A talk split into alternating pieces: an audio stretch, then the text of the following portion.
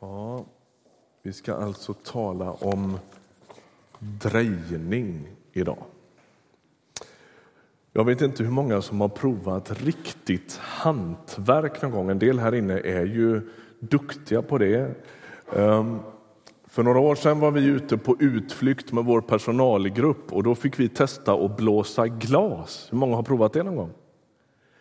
Efter jag gjorde det fick jag ganska stor respekt för det kan man säga. Det är mycket svårare än man kan tro. Ehm, väldigt svårt till och med. Jag lyckades bränna mig och jag lyckades, det var snett och vint och det var allt möjligt. Det är svårt med hantverk. Hur många här inne har provat att dreja lera någon gång? Det? det är nästan en, alltså det är svårt, eller hur? Vad lätt det är att det blir fel. Och man trycker till lite här och det snurrar och det är liksom mycket att tänka på. Rätt vad det är så bara far alltihopa åt sidan. Så, va? Det är jättesvårt att dreja.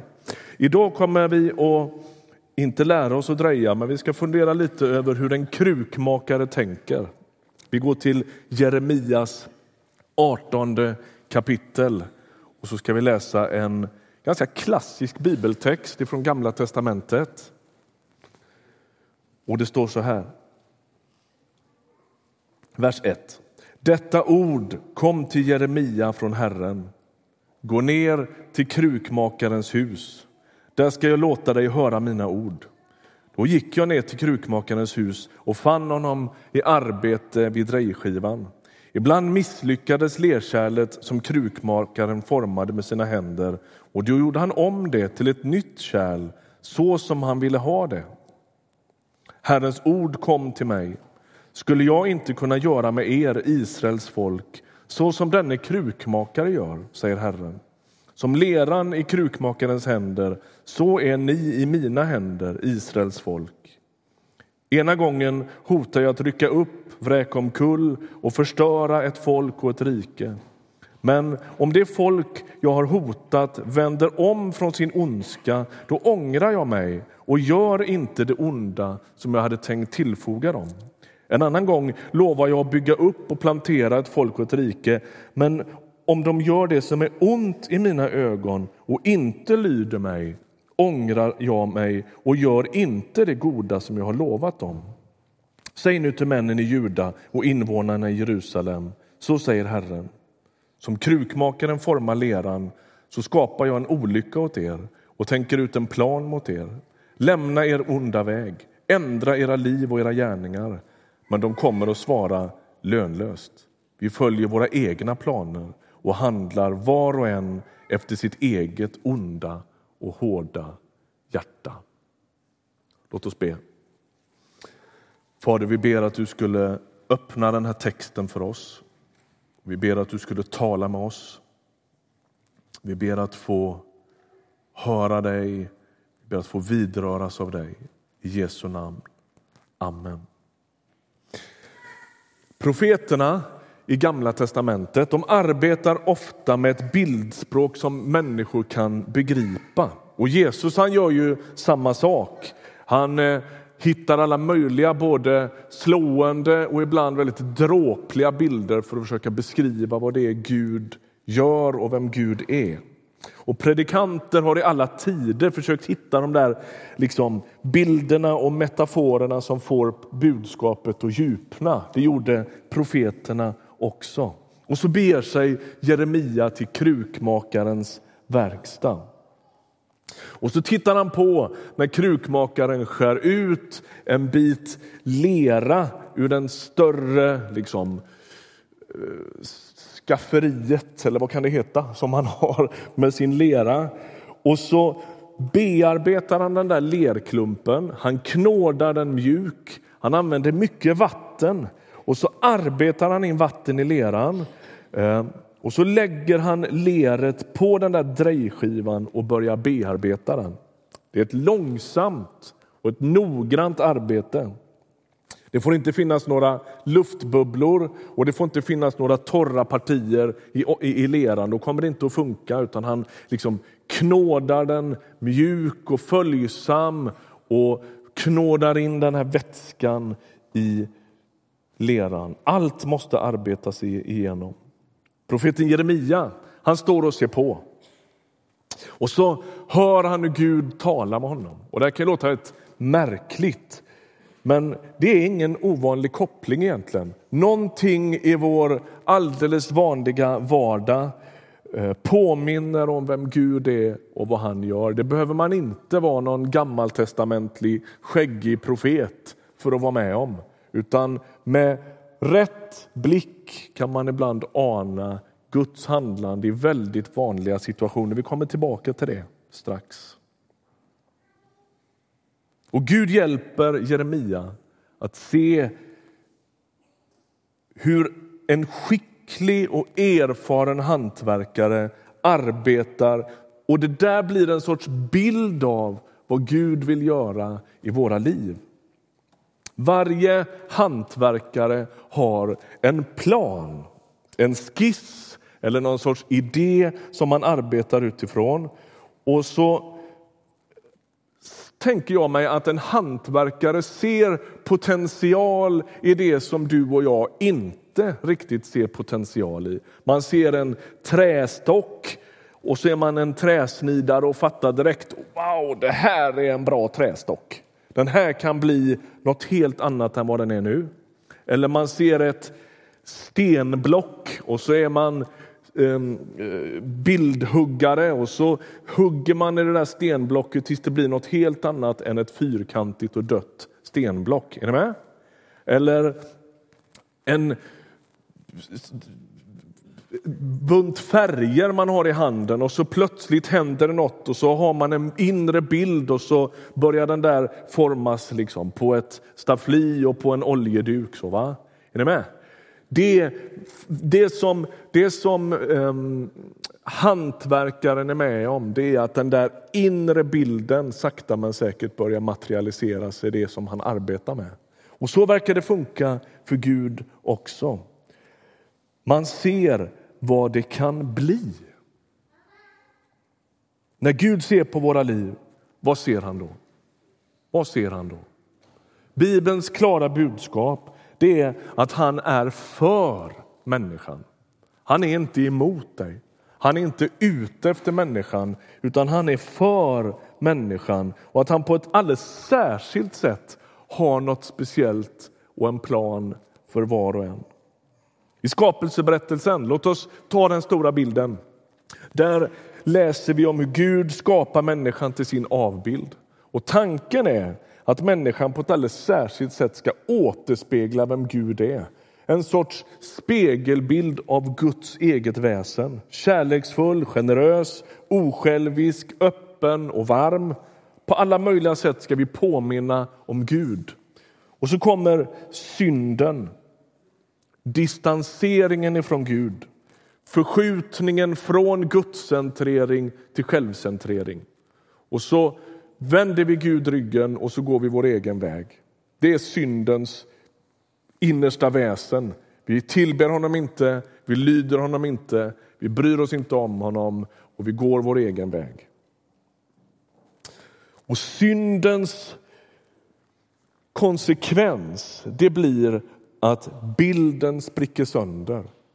Avbilden som Gud skapade, människan som skulle genom Eh, lysas av Guds egen närvaro blir genomlyst av en massa andra saker istället. Och så spricker den där avbilden och det blir svårt att upptäcka Gud i den. Och I Gamla testamentet där finns återkommande hintar om vad Gud önskar göra med mänskligheten.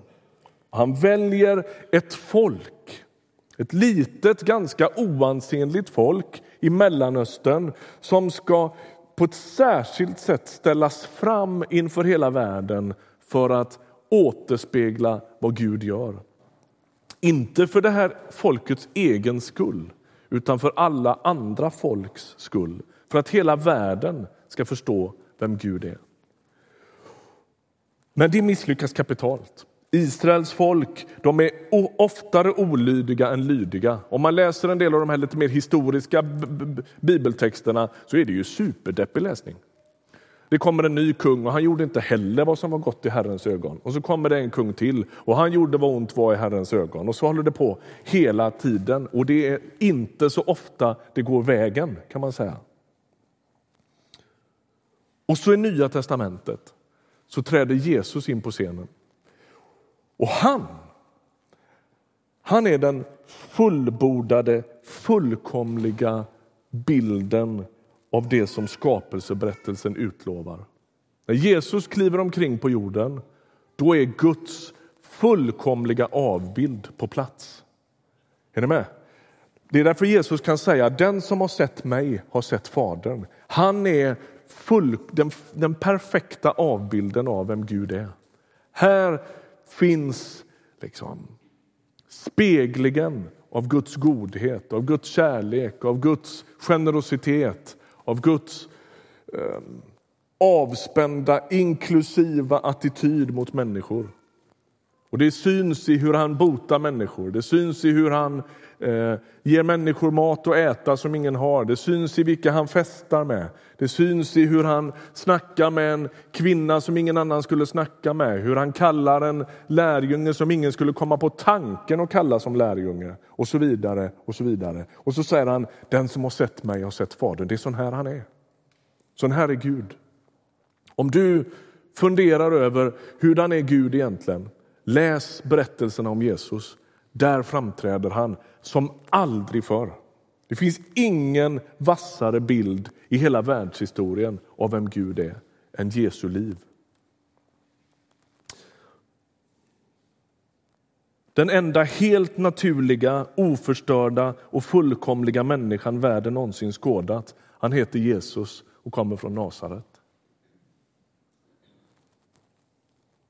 Varje människa, förutom han, är märkt av synden och den där skadade bilden där gudlöshet, själviskhet och oförsoning finns, den är liksom invävd i våra tyg. Vi kommer inte ifrån den. Den finns där. Alla är smittade. Alla får höra uppmaningen att göra det som våra unga vänner har gjort här idag. Det vi har varit med om idag, det är, jag hoppas att du var med på vad du var med om. Det här är supermärkvärdigt.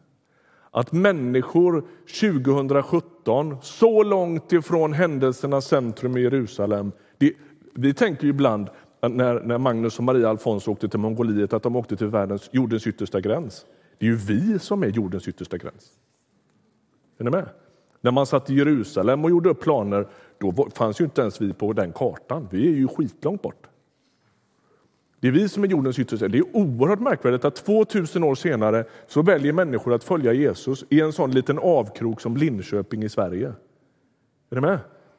Och vad är det som händer då? Jo, den där, den där syndens väg den föder död i en människas liv. Den leder till död och förstörelse. Och den vägen går varje människa som inte har med Jesus att göra. Det har inget med präktighet eller ni vet, peka finger. Det är, bara, det är bara en sorts diagnos på mänskligheten. Mänskligheten är smittad av synden. Och så står Jesus här borta och då står, då står det i Bibeln att då lever vi för synden och så är vi döda för Gud. Och så står Jesus och så kallar han oss att vända om och säger han följ mig. Och så vänder vi oss om och så börjar vi leva för Gud och dör för synden. Är ni med på det? Visst är det bra det här? Så som Rolf Nordström brukade säga, visst talar jag bra? Rolf Nordström. Alltså, är ni med? Jag, jag, levde för synden och var död för Gud och så kallar han mig att vända om och så råder det motsatta läget. Jag dör för synden och så börjar jag leva för Gud. Det är det som händer när vi döpte här. Då gestaltas det genom den här graven som Magnus pratade om. Vi, man dör bort ifrån sitt gamla och uppstår till ett helt nytt liv. Och så börjar sakta men säkert avbilden att restaureras. Då börjar omskapelsen. Kallelsen, bestämmelsen med våra liv, meningen med våra liv om du så vill. Den är följande. Den sammanfattas i en bra vers i Romarbrevet. Ty dem han i förväg har utvalt har han också bestämt till att formas efter hans sons bild så att denne skulle vara den förstfödde bland många bröder. Romarbrevet 8 och 29. Gud har ställt fram en fullkomlig människa, Jesus Kristus. Helt och hållet Guds avbild. Och han står i, i världshistorien som en sorts kallelserop till människan. Kom igen, omvänd dig, tro på mig, låt döpa dig och börja följa mig. Och då kommer Gud och så börjar han knåda våra liv. Det är då han tar vårt liv som det där leret och så börjar han sakta men säkert arbeta in sitt liv i våra liv. Och så knådar han oss till Guds avbild så att vi sakta men säkert börjar likna Jesus. Vår bestämmelse är att formas efter Jesu bild.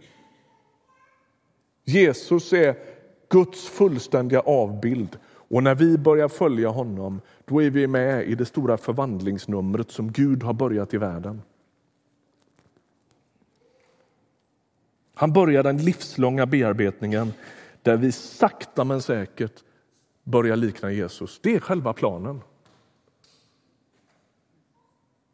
Nöj dig inte med en mindre dröm än den.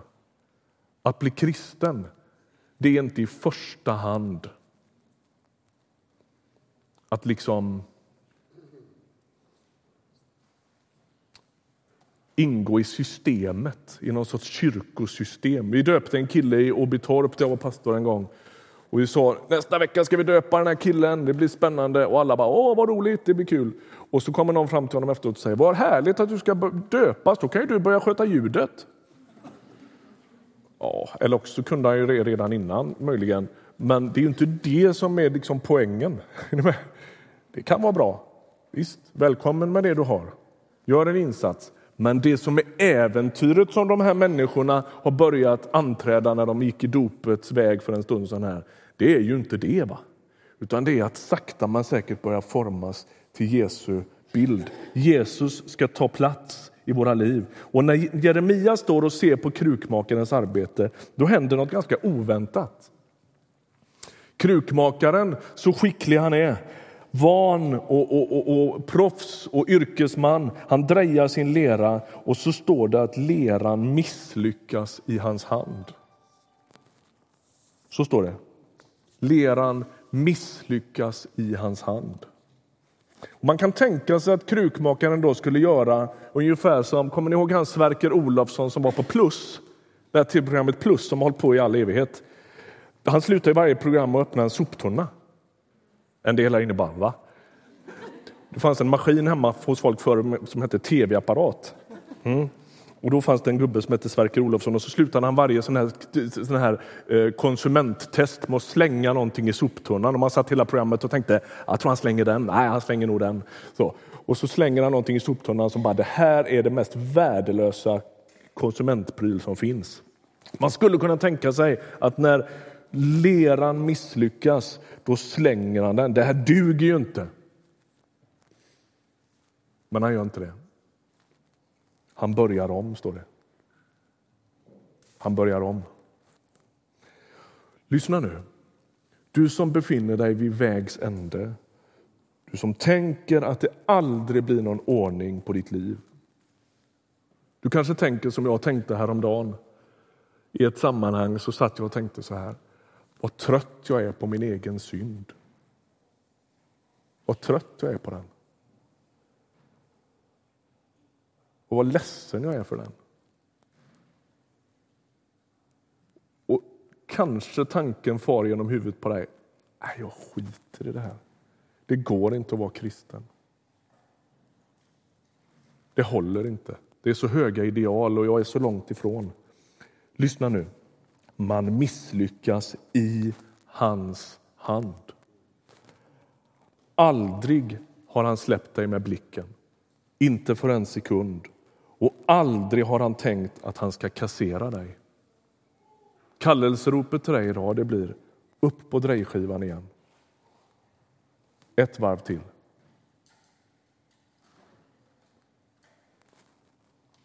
Om Gud är den som formar fram Jesusbilden i oss, hur är det då med vårt eget ansvar? Har vi inget ansvar?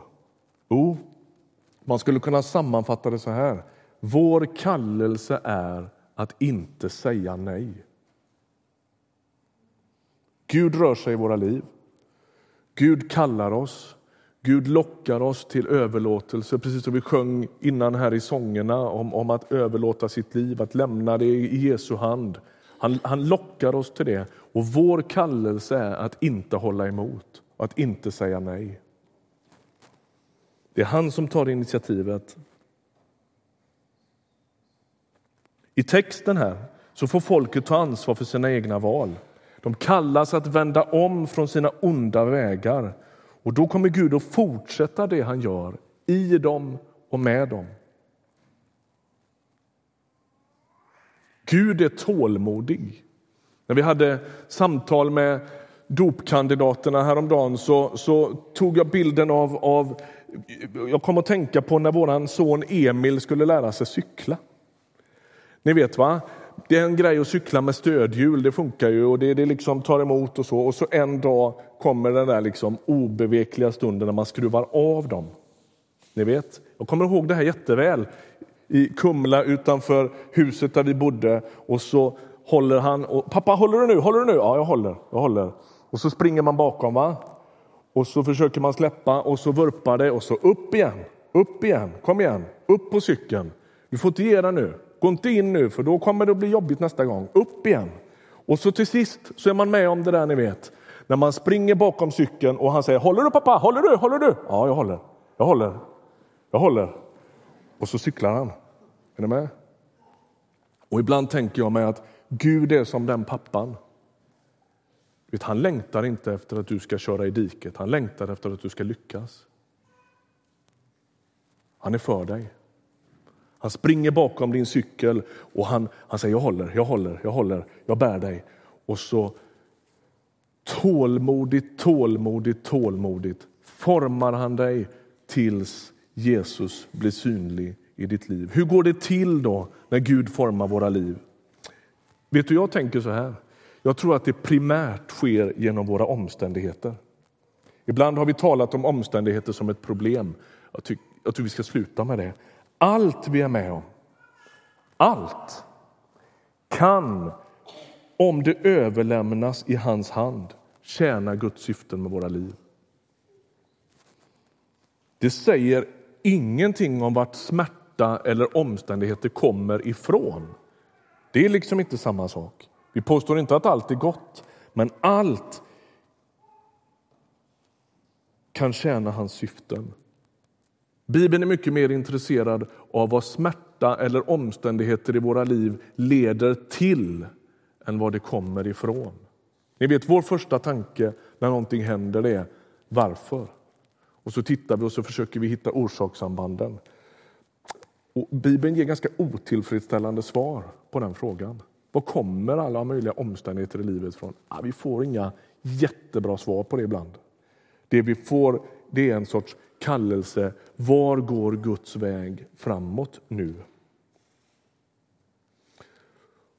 Gud kan använda vad som helst i våra liv. Och I dagens text så ser det ut som att det är Gud som sänder ondskan, eller hur? Det är en ganska besvärlig text i slutet här. Men i Nya testamentet där klarnar bilden något. Djävulen finns med som en sorts doldis i bakgrunden i Gamla testamentet. Och man tänker sig i GT att allt, eller åtminstone det mesta, kommer från Gud. Men i Nya testamentet där tar ondskan lite mer personliga drag. Och vi förstår att det är inte Gud som sänder sjukdom, förluster och död. Det är inte det. Det är den som Jesus kallar för tjuven som gör det. Men däremot verkar Jesus äga förmågan att använda precis allt som han får i händerna. Jag tänker mig att han står vid den där krukmakarskivan och så bearbetar han den här, den här lerklumpen och så kastar djävulen en kniv mot det där. Han fångar den så använder han den i formandet. Är ni med? Han fångar alltihopa det där som kommer emot oss och så använder han det i formandet. Han sänder det inte, men han använder det. Så när Gud beskrivs som krukmakaren som formar oss, då är han också den som förmår fånga upp allt det som kommer emot oss och använda det.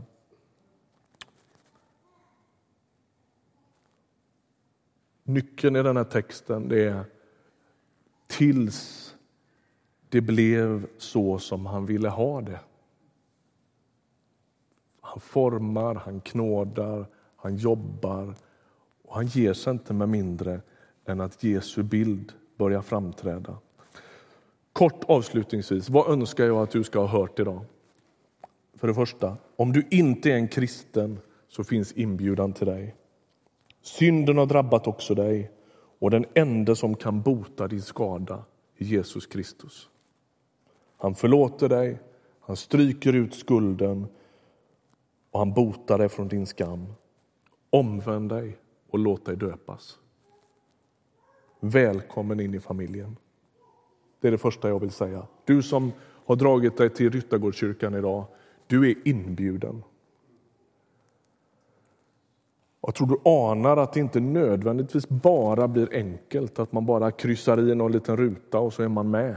Utan man anträder en väg som handlar om Guds långsamma formande i våra liv. Men det är tidernas äventyr och du är varmt välkommen. Det andra jag vill säga idag det är du som är en kristen och som frestas att ge upp, som känner dig misslyckad och modfälld, som kanske till och med känner att du övermannas av synden i ditt eget liv. Upp igen. Säg ditt ja till Jesus. Ge honom tillträde till ditt liv igen. Han vill börja om. Tålmodigt, gång på gång på gång. Upp igen. Och det tredje. Bär dina livsomständigheter, vilka de än är, fram inför Jesus och be att de ska användas för att göra dig mer lik honom. Är du sjuk? Har din relation kraschat? Har du mist ditt arbete? Har du blivit befordrad och fått mer betalt? Är livet extra enkelt? Har du vunnit på Lotto? Det spelar egentligen ingen roll. Det gör det ju givetvis, men i den här meningen gör det inte det. Bär dina livsomständigheter fram inför Jesus. Be att han ska använda det. Be att han ska tala med dig.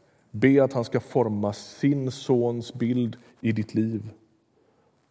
Han vill använda alla dina omständigheter för att forma dig. Mest av allt, när du frestas att ge upp, då har Gud inte ens tänkt tanken. Han är den tålmodige som börjar om och börjar om och börjar om så många gånger som det krävs. När du misslyckas, då misslyckas du i hans hand. Amen. Vi ber tillsammans.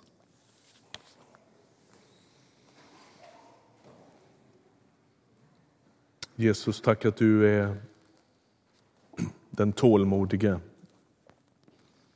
Den som formar och rör oss, knådar oss, söker oss. Tack att soptunnan inte är din väg, utan upprättelse och en andra chans, det är din väg. Så arbetar du. Gör vad du vill med våra liv. Forma oss efter din bild. Jag ber särskilt för den som är på gudstjänst idag och inte har en kristen bekännelse. Jag ber om mod att följa dig. Föd tro i den människans liv. Dra den människan till dig. Ge den människan mod att svara ja på din inbjudan. I Jesu namn. Amen.